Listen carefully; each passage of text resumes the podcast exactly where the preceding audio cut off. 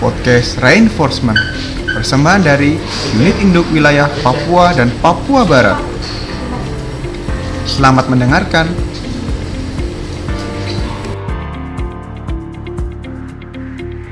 Oke, Assalamualaikum warahmatullahi wabarakatuh. Salam sejahtera untuk kita semua.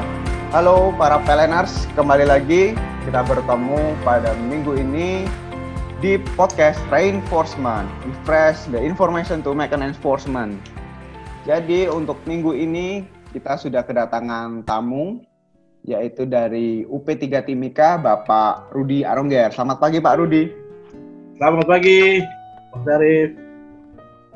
Ya, selamat pagi Pak. Jadi uh, Peleners, uh, saya mendapatkan informasi yang menarik ini dari dan SDM-nya di UP3 Timika ya, bahwasanya Pak Rudi ini pengalamannya banyak sekali dan beliau ingin sharing gitu ya, ingin sharing kepada kita semua tentang pengalaman-pengalamannya terutama dalam hal ke-PLN-an gitu ya. Jadi mungkin ada hal-hal yang bisa kita ambil pelajaran dari Pak Rudi ini. Uh, mungkin uh, ada pepatah mengatakan tak kenal maka tak sayang gitu ya. Jadi mungkin Pak Rudi mungkin bisa perkenalan dulu Pak Rudi pada para Baik. yang sedang mendengarkan Pak. Ya, terima kasih Mas atas waktunya. Baik, ya, saya Rudi Arongger. Eh, biasanya dipanggil Rudi. Ya, saya sudah keluarga, istri satu, anak baru delapan, ya dan cucu udah sepuluh. ya masuk masuk PLN masuk PLN tahun 92 sudah mengabdi hampir, hampir sekitar 28 tahun ya di PLN jadi eh, tugaskan berpindah-pindah. Pertama masuk saya ditempatkan di Merauke. Sekitar 10 tahun dipindahkan lagi ke Jayapura. Jayapura di pembangkit listrik tenaga diesel di Waena terus ditarik ke wilayah. Pindah lagi ke Wamena dan akhirnya sampai di sini. Baik, mungkin itu saja uh, perkenalan saya. Pak. Jadi Pak Rudi ini dulu backgroundnya apa Pak? Waktu sama Saya waktu masuk background saya pembangkitan. Saya memang latar belakang uh, mesin. Mm-mm. Tapi sampai saat ini kebanyakan sudah dipercayakan di distribusi Mm-mm. Dan sekarang dipercayakan lagi mengenai transaksi. Hmm. Jadi yang saya mau sampaikan bahwa kita di PLN jangan dilihat dari backgroundnya tapi dari eh, skillnya. Kalau dia bisa kerja di mana pun, kalau dia mampu jalan. Contohnya saya masuk itu sebagai operator, operator PLTD. Hmm, ya ya. Tapi sampai sekarang sudah bisa tangani transaksi. itu mas. Ya, jadi semua bisa karena terbiasa ya Pak ya. Ya, Jadi kita itu sebagai PLNers itu harus bisa ini apa ya multitasking gitu Pak ya. betul betul. Ya. Bisa ke mana saja gitu toh. Ya. Terus waktu pertama kali masuk PLN ada hal-hal berkesan apa nih Pak waktu dulu Pak? Nah, ini dia. Mungkin saya mau bagi sedikit buat teman-teman, eh, adik-adik. Saya waktu masuk PLN itu eh, 2092 tahun 92 itu ditempatkan langsung di Merauke, bangkit PLN. Ini kisah yang saya tidak bisa lupakan sampai saat ini. Saya bekerja se- se- eh, sekitar empat tahun, empat tahun di PLTD, dimutasi- dimutasikan ke dulu sebutannya subranting ya yang sekarang disebut. Dari subranting rayon. Eh, ranting rayon. Nah sekarang UL, ULP ya. Eh, UP, ULP ULP ya sekarang ULP jadi saya dimutasikan ke ranting. Dari ranting saya dimutasikan lagi ke lisdes. Ah di lisdes ini perbatasan antara Papua Nugini dengan eh, Republik Indonesia. Jadi saya ditugaskan di satu listes di atasnya Sota itu namanya Cembel, eh, Erambo. Nah di situ banyak kisah yang saya dapat. Saya dapat karena saya tinggal seorang diri di perbatasan hmm. berhadapan dengan masyarakat pribumi hmm. dan di situlah mereka bilang di tempatnya ada sarang GPK disebut OPM itu hmm. bawa istri saat sendiri anak waktu itu baru satu hmm. umur 4 tahun kita bertugas di sana anak saya yang tua puji Tuhan sekarang dia sudah mengabdi juga di PLN anak yang tua itu. Mengikuti sejak bapaknya ya pak? Ya. Jadi kisah yang tidak bisa dilupakan itu di sana memang kita pembangkit kita cuma satu. Eh, nyalanya dari jam 6 sore sampai jam 12 malam terus padam.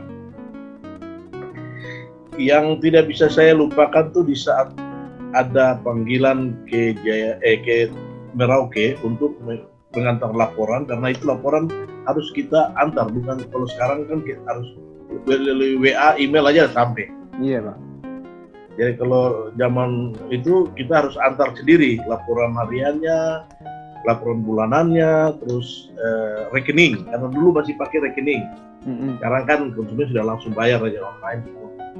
Jadi dicetak rekening di Merauke saya harus turun bawa rekening itu jual saya sudah sampai tanggal 20 saya harus antar kembali lagi ke Merauke untuk uh, ambil rekening yang baru dan store uangnya. Hmm. Nah ini yang satu tantangan yang sangat berat karena uh, rekening yang kami bawa, terus uang juga uang negara yang kami bawa. Dalam perjalanan kami dari Erambo sampai ke Merauke itu jarak tempuhnya sekitar 100 200 kilo. Nah, kilo ya pak? Jauh ya, jauh ya kita pakai kendaraan motor saya pakai motor kadang kalau turun nggak bisa pulang pergi harus nginap hmm. turun pagi sampai siang nginap semalam besok balik lagi nah itu setiap bulan harus harus kita turun store rekening ambil rekening baru nah jadi tantangan itu sangat berat karena perjalanan itu jauh takutnya jangan sampai ada terjadi apa-apa di jalan dan ya kalau saya turun kalau tidak tidak pulang atau terlambat pulang sampai di tempat tugas saya jam 6 sore kan masyarakat perlu terang hmm. nggak ada yang targeted hmm. nah ini yang jadi tantangan berat buat saya hmm. jadi anak saya waktu itu masih umur 4 tahun saya ajarin dia gini cara starter mesinnya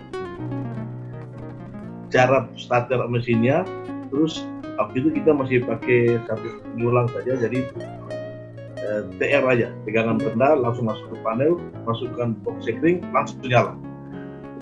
Nah ini saya ajar istri saya saya ajar anak saya. Jadi memang waktu masukkan beban itu ada percikan api ya itu mereka takut. Takut kena serem padahal ada ada safety-nya. Nah, dua kali tiga kali ajar jadi waktu saya turun Merauke terlambat pulang begitu telepon juga nggak ada telepon gimana HP kan waktu itu belum ada ya pakai radio SSB hmm. nah, kalau pas dia buka radio kalau nggak buka radio terpaksa harus nebeng ke eh, Kopassus kalau hmm. kebetulan pos Kopassus itu berhadapan dengan kantor kita dan hmm. mereka juga sering main ke rumah jadi nebeng di radionya Kopassus orang tanya itu lampu udah nyala belum? Nah, kasih tahu istri atau anak saya tuh yang tua masih umur 4 tahun. Di Stakar udah Kopassus bantu. Ya tapi memang kayak langkah-langkahnya itu mereka udah tahu.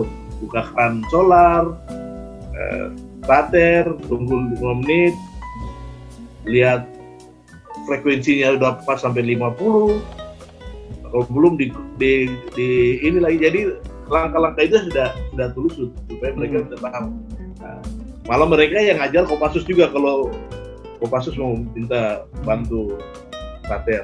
Hmm.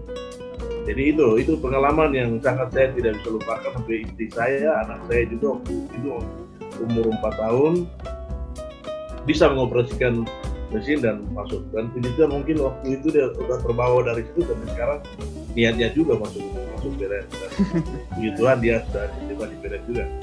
Nah, jadi yang saya mau bagikan untuk teman-teman adik-adik kami yang baru-baru masuk ini kan kelihatannya masuk langsung duduk ya santai dan tapi berbagi pengalaman itu sangat penting supaya kita bisa tahu suka duka kita.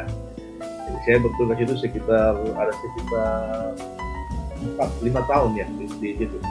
Lima tahun di kota besar tinggal lagi ke Jayapura. Langsung dari situ langsung pindah ke Jayapura.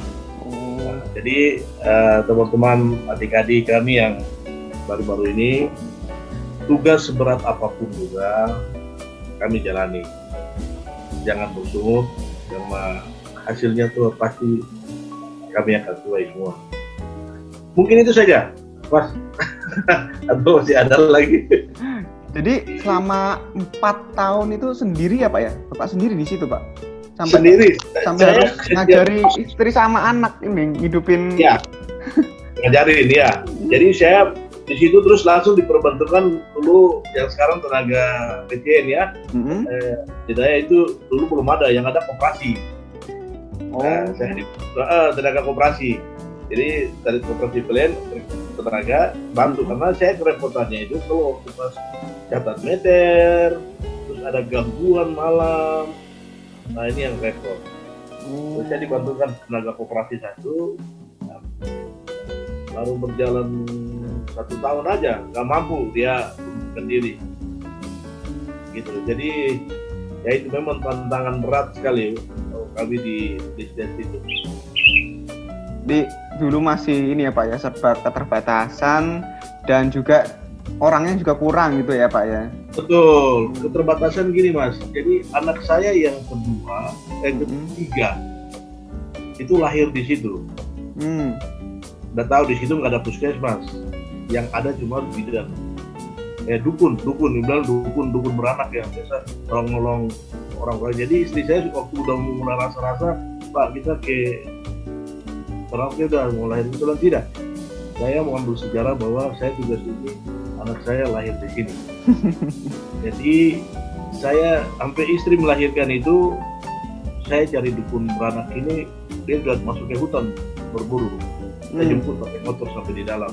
Hutan baru kemari bantu mama bantu saya ke saya pernah tua mau kenapa aku baru mau kasih tahu sekarang? Dari kemarin ke mama dia uh, tolong sampai itu mas bayangkan hmm. kali pusatnya itu saja dipotong pakai silet. Waduh. Oh, tidak ada gunting tidak ada apa semua dipakai silet potong dijahit eh dipotong. Nah untung eh, safety-nya itu kan ada ada Kopassus. Mm. karena mereka punya peralatan lengkap jadi mantrinya juga ada saya bilang pak mantri. Mm. ini baru mulai ah, dia suntik. Suntik bilang baru di harus segera bawa ke harus segera bawa ke rumah sakit ke jadi anak sudah mau lima hari baru kita turun nah itu pengalaman dan tantangan jadi anak saya dia udah lahir di tempat tugas. Wah. Wow. Nah, jadi di Merauke, tugas di Merauke, anak saya nomor dua lahir. Iya. Yeah. Tugas di Purik, Ranto, anak kedua, ketiga lahir. Iya. Jadi Rambo, mm -hmm. anak keempat lahir. Jadi setiap penugasan ada satu. jadi itu sejarah. ini kalau ibaratnya uh, singa itu menandai kekuasaan ini ya pak ya. Luar biasa sekali, Pak. Terus sekarang anaknya tugas di mana, Pak? Yang nah, kalau yang tua, yang tua di P3 Jayapura. Oh, iya. Di P3 Jayapura ya. Hmm. Ya di P3 ya, P3. Oh, iya iya iya. Jadi para PLNers ini luar biasa sekali ya kisahnya Pak Rudi ini bahwasanya memang pengabdian itu adalah bagaimana cara kita bisa uh, memberikan 100% kemampuan yang kita punya. Bahkan sampai membawa sanak saudara, sanak keluarga seperti itu. Bahkan sampai anaknya diajari dan sekarang bisa masuk ke PLN juga mengikuti jejak bapaknya ini. Iya. ya. Terus Pak Rudi ini mungkin ada ada pengaman lain Pak mungkin yang uh, apa ya berkesan mungkin Pak mungkin di tempat kerja yang lain Pak uh, yang sangat berkesan itu yang pertama di waktu tugas pertama di Rambo, kedua di Wamena. Oh Wamena ya Pak ya? Ya. waktu di Wamena nah, kebetulan waktu itu saya dipercayakan jadi supervisor jaringan Hmm. supervisor jaringan ya udah tahu kan Wamena sangat sangat, sangat juga keterbatasan dengan material SDM Hmm. pengetahuan jadi waktu saya ke Wamena juga waktu saya di Wamena 2006 14 16 eh 2013 2013 sampai 2014 ya di Wamena itu waktu 2013 itu kan eh, transaksi energi belum ada jadi eh, masih bergabung semua di eh, distribusi. Jadi kami distribusi yang mengenangani tusuk sekalian. Kita masih urus tusuk. Jadi P2TL juga masih tanggung jawabnya kami. Jadi kami adakan penertiban listrik itu memang banyak yang tidak memakai listrik semana mestinya. Tantangan kami itu waktu menghadapi eh, mama-mama atau bapak-bapak yang di rumah-rumah lain Hmm. listrik sudah masuk sampai ke kampung-kampung. Kami eh, ya namanya tugas kita harus tertibkan kalau dia tidak PLN itu kan eh, menjual ya menjual aliran listrik. Jadi untung ruginya itu ada di KWH meter. Ya, Kalau kita melihat KWH meter itu sih disalahgunakan, ada sambungan su atau ada karena yang pasti hati kita merasa tidak tentram. Wah ini kita orang PLN saja tiap bulannya ada beli pulsa, ada bayar rekening. Oh dia pelanggan pelanggan, dia pelanggan saja kok empat kali saja, kok enak sekali.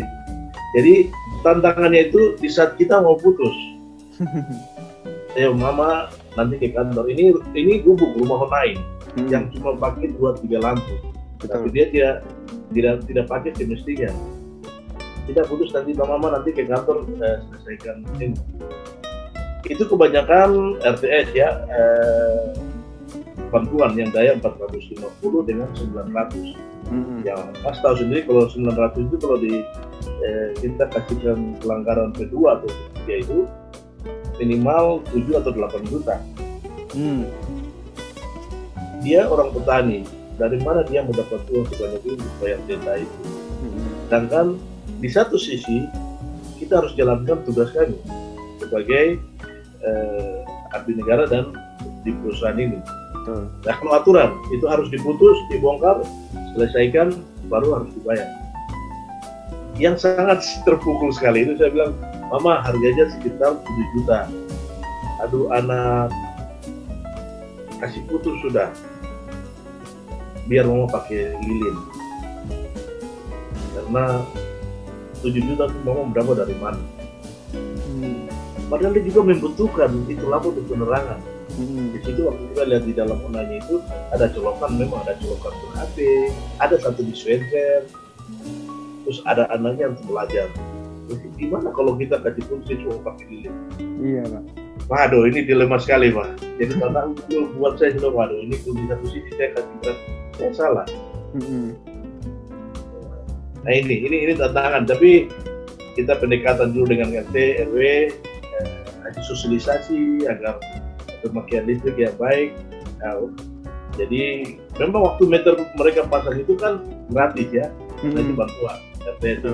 Bantuan nah itu juga mereka tidak mampu jadi kalau dia mau suruh lepas copot jadi tidak aja itu dia mau sambung lagi uang dari mana bantuan Iya, nah itu yang sangat tantangan sekali buat saya Dilematis ya, Pak ya.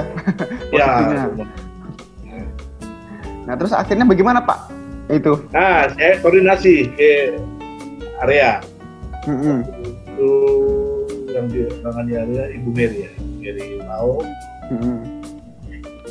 Ibu cuma sampaikan dekati aja dengan eh, eh, camat, ketua RT, eh, terus kamu sosialisasi, kan dibantu, dibantu tapi eh, rupiah eh, temuannya itu kita turunkan ke daya 450 dia kan daya 900 kan Hmm.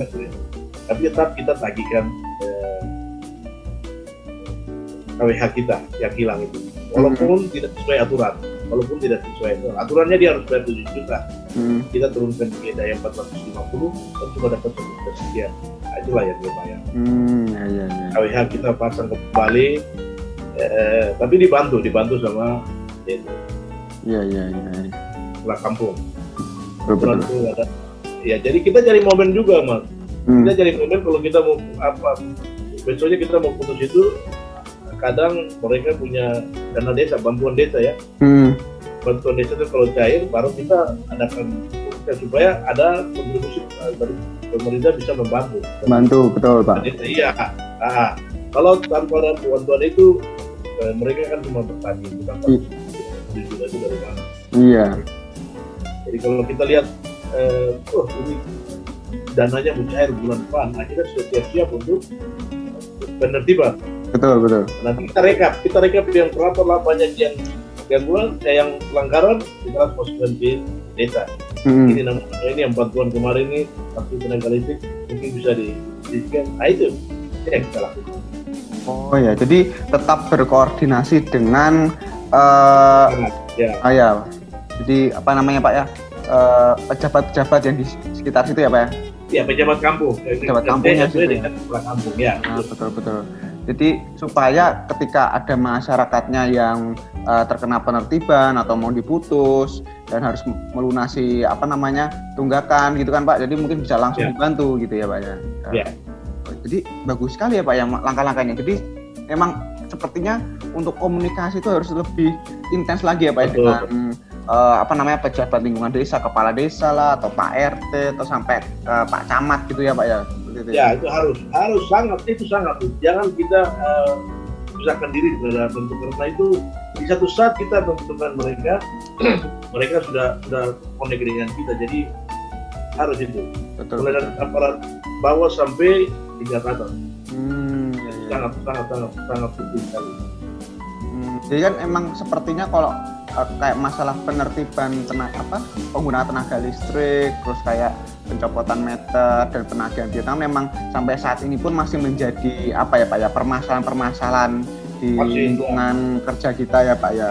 Nah mungkin PLNers bisa apa ya mencontoh apa yang dilakukan oleh Pak Rudi ini dengan terus melakukan koordinasi dan komunikasi dengan pihak-pihak eh, yang terkait di lingkungan sekitar sehingga bisa lebih mudah untuk dikomunikasikan ke masyarakat. Kan kan beberapa memang ada yang langsung petugas PL-nya langsung datang saja gitu kan Pak ke rumah-rumah gitu kan. Jadi- sampai sekarang di- sampai sekarang di Timika sini kan saya langsung tangani Hmm. jadi TP Watian juga masuk dengan tanggung jawab kami. Jadi Eh, Pak Rudi langsung turun langsung apa ke lapangan juga ya Pak ya kalau di sini saya langsung turun lapangan sama teman-teman oh iya. dan Timika ya puji Tuhan Pak nanti kalau lihat di trennya pendapatan KWH hilang Timika masih terbaik Wah gitu ya Pak, ya, bagus sekali, bagus, bagus. nah ini Pak, saya mau tanya nih Pak, kan biasanya kan kalau misalkan eh, petugas-petugas yang menangani apa namanya gangguan listrik ke rumah pelanggan atau mungkin memperbaiki eh, apa ya kayak kerusakan-kerusakan di di tempat pelanggan tuh biasanya kan pelanggan kan kayak ini Pak ya, mungkin ngasih apakah hadiah kah atau ngasih apa, ucapan terima kasih. Nah itu kan Eh, itu sebenarnya gimana sih Pak? Boleh atau nggak sih Pak kayak gitu Pak? Misalkan. kalau menurut saya eh, tidak boleh kita minta tips sedikit apa pun juga Mm-mm. Eh, pernah terjadi Pak ini pengalaman ya pernah terjadi di Timika sini waktu saya masih tangani di ULP Timika Jaya Mm-mm. Nah, ada teman kami karena Yantek Mm-mm. lakukan itu jadi eh, saya sudah himbaukan dan bilang kalian bekerja jangan meminta sedikit apa pun daripada eh, konsumen itu tugas kalian jangan saya dengar ada laporan masuk bahwa kalian dikasih uang. Kalau kamu tidak minta dia ucapan terima kasih tanyakan dia bu jangan jangan. Apa saya tidak terima. Mm-mm. jadi ada beberapa kali yang terjadi begitu. Ya maaf langsung saya kembalikan ke perusahaan. Waktu saya di Timika Jaya dua orang yang saya sudah kembalikan. Hmm. karena nah, karena ada tip-tipnya itu Iya iya iya iya. mereka tidak minta sih mereka Iya. tidak minta mereka Hmm. tidak minta kerja selesai ucapan terima kasih itu Hmm. Nah, saya bilang kalau tidak ada yang lapor ke sini kalian aman tapi kalau ada yang lapor berarti kalian dalam bahaya Iya iya iya. iya. Jadi walaupun mungkin itu niatnya apa ya ya tulus lah Pak iya. ya ucapan terima kasih entah untuk beli apa kan beli rokok kah atau beli Beli rokok, minum beli apa sekedar tapi yang mungkin emang untuk boleh. nggak boleh ya Pak ya sesuai dengan ketentuan dan aturan yang berlaku ya Pak ya. Hmm. Jadi emang ini sih Pak pengamannya Pak Rudi emang luar biasa sekali dan ini sejalan dengan uh, program budaya Pak dengan program budaya uh, yang sedang dilaksanakan oleh PLN. Jadi kan memang kalau di PLN itu sedang ditekankan yang namanya ini Pak namanya apa ya Eh, empat no Pak. Empat no. Jadi Oke. ada no bribery, eh, apa itu namanya tidak boleh men- men- menyuap atau menerima suap. Terus kemudian no eh, kickback ya pak. No kickback itu adalah kesepakatan. Membuat kesepakatan kesepakatan yang berhubungan dengan apa namanya jabatan apa segala macam. Terus no give no give atau no tidak boleh menerima hadiah. Itu itu seperti yang bapak eh, ceritakan tadi. Nah, hadiah-hadiah. Ya walaupun eh, kecil tapi kan itu juga eh, sebaiknya tidak boleh jangan diterima seperti itu. Dan kemudian yang terakhir itu ada no luxurious hospitality ya pak. Itu adalah jadi tidak boleh ada jamuan atau apa namanya sambutan-sambutan yang berlebihan. Jadi memang PLNers eh, kisah-kisah yang dibagikan oleh Pak Rudi pada hari ini itu memang mengingatkan kita bahwasanya yang pertama kita itu sebagai eh, abdi negara ya. Abdi negara yang bekerja untuk terus melistriki Indonesia, terutama posisi kita yang ada di timur Indonesia yang memang saat ini itu memang ala- sedang membutuhkan listrik ya. Banyak sekali tempat-tempat yang masih belum terlistriki dan itu adalah tugas kita untuk bisa melaksanakan eh, apa ya namanya melakukan 100% elektrifikasi ke seluruh penjuru negeri. Nah, seperti itu. Jadi harus dilaksanakan dengan sepenuh hati. Eh, kita juga memaksimalkan apa yang kita punya apa yang kita bisa untuk kepentingan dan ke, eh, selain untuk kepentingan perusahaan juga untuk eh, kepentingan dan kebaikan masyarakat yang di sekitar kita. Saat ini memang listrik adalah kebutuhan yang bisa dikatakan kebutuhan primer ya. Itu dan kemudian juga selain itu kita juga harus berintegritas. Menjadi seseorang yang berintegritas melaksanakan setiap kewajiban tidak pandang bulu dan tidak eh, menerima imbalan sepeser pun dari masyarakat. Oh, jadi kerja ikhlas ya. Jadi kerja cerdas kerja keras dan kerja ikhlas. Luar biasa sekali. Ini Luar adalah tiga poin yang sudah diterapkan oleh Pak Rudi Arongger. Nah lebih baik lagi kalau seluruh PLNers itu bisa menerapkan tiga hal ini juga. Seperti itu baik Pak Rudi terima kasih atas uh, sharingnya pada hari ini. Luar biasa sekali menginspirasi sekali para PLNers semoga uh, hal yang kita diskusikan, kita share pada hari ini bisa bermanfaat ya Pak untuk semuanya. amin amin ya Mungkin Pak Rudi punya uh, ini Pak kalimat-kalimat uh, mutiara mungkin Pak untuk di bagian kepala yang sebelum kita tutup Pak. Ya, untuk saya kasih tahu teman-teman, lakukan apa yang kalian bisa kerjakan pada hari ini. Jangan menunda, karena pekerjaan dan tantangan besok ada menanti. Jadi kerjakan dengan hati, kerjakan dengan tulus. Semuanya Tuhan pasti akan memberikan kepada. Berikan yang terbaik buat perusahaan ini karena eh, tempat kita mencari makan ada di sini. Amin. Baik para PNS itulah penutup dari Pak Rudi. Semoga kita semua bisa terinspirasi dan lebih semangat lagi dalam bekerja. Ketemu lagi dengan eh, saya di minggu depan ya di program podcast kita Reinforcement minggu depan. salam PLN terbaik. Assalamualaikum Terbaik. warahmatullahi wabarakatuh. Salam sejahtera untuk kita semua. Hormat. Sukses. Sukses selalu untuk kita semua ya Pak ya.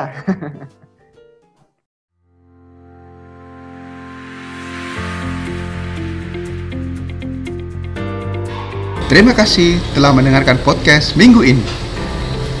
Sampai jumpa minggu depan.